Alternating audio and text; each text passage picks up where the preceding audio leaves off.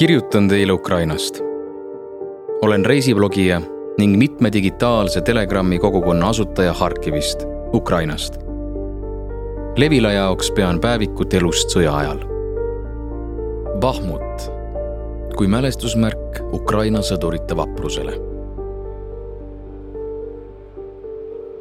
mingil hetkel hakkab tunduma, et harjud sõja ajal kõigega.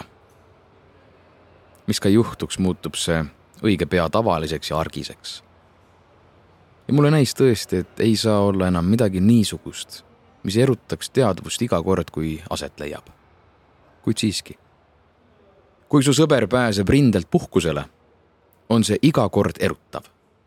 sellega ei harju iial, see ei muutu kunagi argipäevaseks, see on alati pidu ja sündmus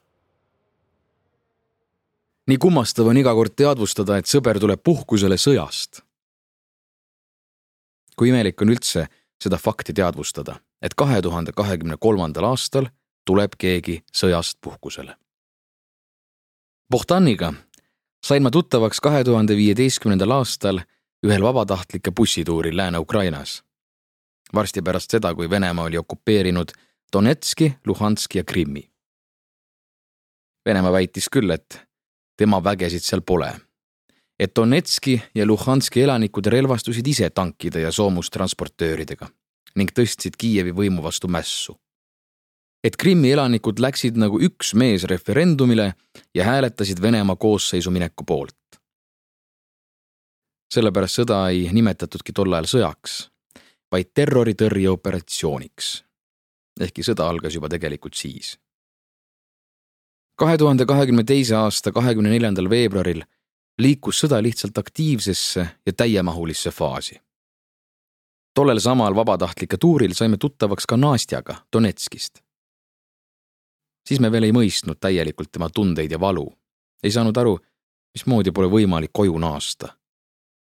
ja üldse jäi meile kodu kaotamise tunne hoomamatuks mõistusega saime muidugi aru, et Nastja ei saa Donetskisse tagasi minna, sest tema kodulinnas võimutsevad paadunud närukaelad ja kurjategijad kuid tunnete, emotsioonide tasandil ei saanud me teada, mida ta läbi elas. nüüd on meil see teadmine olemas. vaevalt on palju neid ukrainlasi, kes poleks läbi elanud sama, mis langes kahe tuhande neljateistkümnendal aastal osaks Donetski, Luhanski ja Krimmi elanikele. see tunne, kui sa ei tea, mida edasi teha, kus on su koht ja kas selles maailmas üldsegi on veel sinule kohta. see on tegelikult väga hirmus kui kaotad hetkega kõik ega mõista, mismoodi peaks nüüd edasi elama. tol ajal, kui me tuttavaks saime, ei osanud keegi meist aimatagi, et kaheksa aastat hiljem koguneme me Kiievis Nastja juures, et tervitada sõjast koju käima pääsenud Pohtanni. ent selline see meie reaalsus nüüd on.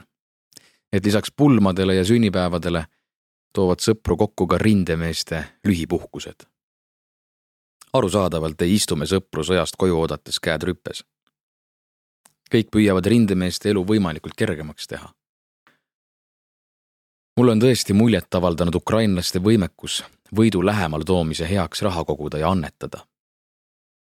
olen ise võtnud endale harjumuseks teha päevas vähemalt ühe annetuse. muidugi on annetuste vool praeguseks, mil sõda on kestnud juba ligi aasta, märgatavalt kahanenud ega ole nii aktiivne nagu esimestel sõjakuudel kuid see ainult innustab tegema loomingulisemaid annetuskampaaniaid. muide, mõnikord küsitakse, kas kaitseväe vajadusi ei peaks mitte katma kaitseministeerium? kui rääkida lühidalt, siis kaitseministeerium tähendab aeganõudvat bürokraatiat. vabatahtlikud suudavad mõne probleemi lahendada viie tunniga, samas kui kaitseministeeriumil kuluks selleks nädal aega. sõjas aga on aeg kriitilise tähtsusega mistõttu saavad paljud asjad vabatahtlike ja korjanduste abil tehtud kiiremini, hõlpsamalt ja tõhusamalt. üks näide. Nastja kogus raha Pohtanile drooni soetamiseks. tegemist ei olnud mitte lihtsa drooniga, nagu näiteks tuhande eurone Mavic, vaid kakskümmend viis tuhat maksva Matrice kolmesaja RTK-ga. muidugi oli see suur summa, kuid tänu sellele droonile ei pea õhuluures teeniv Pohtan enam minema kahe kilomeetri kaugusele vaenlase positsioonidest, nagu ta oli seda teinud varem. uue drooniga saab ta teha õhuluuret seitsme kilomeetri kauguselt. Nastja eesmärk oli tõsta Bohtani ja tema kaaslaste turvalisust. nii suure summa, miljon grivnat kokkusaamine nõuab tugevat kampaaniat. Nastja mõtles välja sellise kontseptsiooni, mis ühendab tema harrastuse jooksmise ja sõja. Ta otsustas joosta kolmkümmend kilomeetrit kuulivest seljas. kuulivestiga oleks raske seda distantsi ka kõndides läbida, jooksmisest rääkimata. kuid Nastja ütles, Bohtanil on Bahmuti all kordades raskem kui mul kuulivestiga joosta. Bahmutist on praegu raske rääkida. kõik saavad aru, et seal käib tõeline põrgu, hakklihamasin. ja nüüd me siis istume kambakesi Nastja pool, sest Pohtan on Bahmuti alt mõneks päevaks koju pääsenud. seda kohanime ei ütle siiski keegi valjusti välja. Pohtan räägib naljakaid lugusid oma teenistusest, kõik naeravad õhustik on erakordselt soe ja siiras. kõik, kes on tulnud Pohtaniga kohtuma, saavad automaatselt lähedasteks inimesteks. sõda mingis mõttes lähendab inimesi ning ebasiirusele ei ole enam kohta. Me räägime peaaegu terve õhtu sõjast, igaüks jagab oma mälestusi ja kogemusi. kõige rohkem kõneldakse muidugi sõja esimestest päevadest, igaüks meenutab, mil määral ta täiemahulise sõja puhkemist võimalikuks pidas peaaegu kõik tunnistavad, et ootasid olukorra ägenemist Donetski ja Luhanski suunal. hiljem läheb jutt kindlasti sõjaeelsele ajale, tuletatakse meelde mõnd viie aasta tagust lugu ning tundub, et tavapärane elu oli alles nüüd sama. aga peamine, kõik toas olijad teavad, et juba varsti on Pohtan jälle Pahmuti all ja sõdib edasi. lennutab uut drooni, mille jaoks jooksis Nastja kolmkümmend kilomeetrit kuulivestiga ja sai vajaliku summa kokku. kõik teavad, kuid sõna Bahmut jääbki kõlamata. Kõik saab öeldud kallistustega. väikese olengu lõpus kallistavad kõik Pohtanni tugevasti. Need on erilised kallistused. sedasi kallistad sa inimest, kes läheb taas sõtta.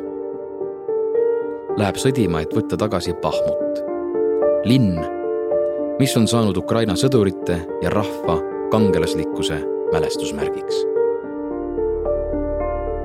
autor Taras Kovaltšuk, tõlkija Veronika Einberg, toimetaja Helena Läks, audiolugu loeb Karmo Nigula, salvestus, helikujundus Janek Murd, originaalmuusika Konstantin Tsõbulevski. Levila kaks tuhat kakskümmend kolm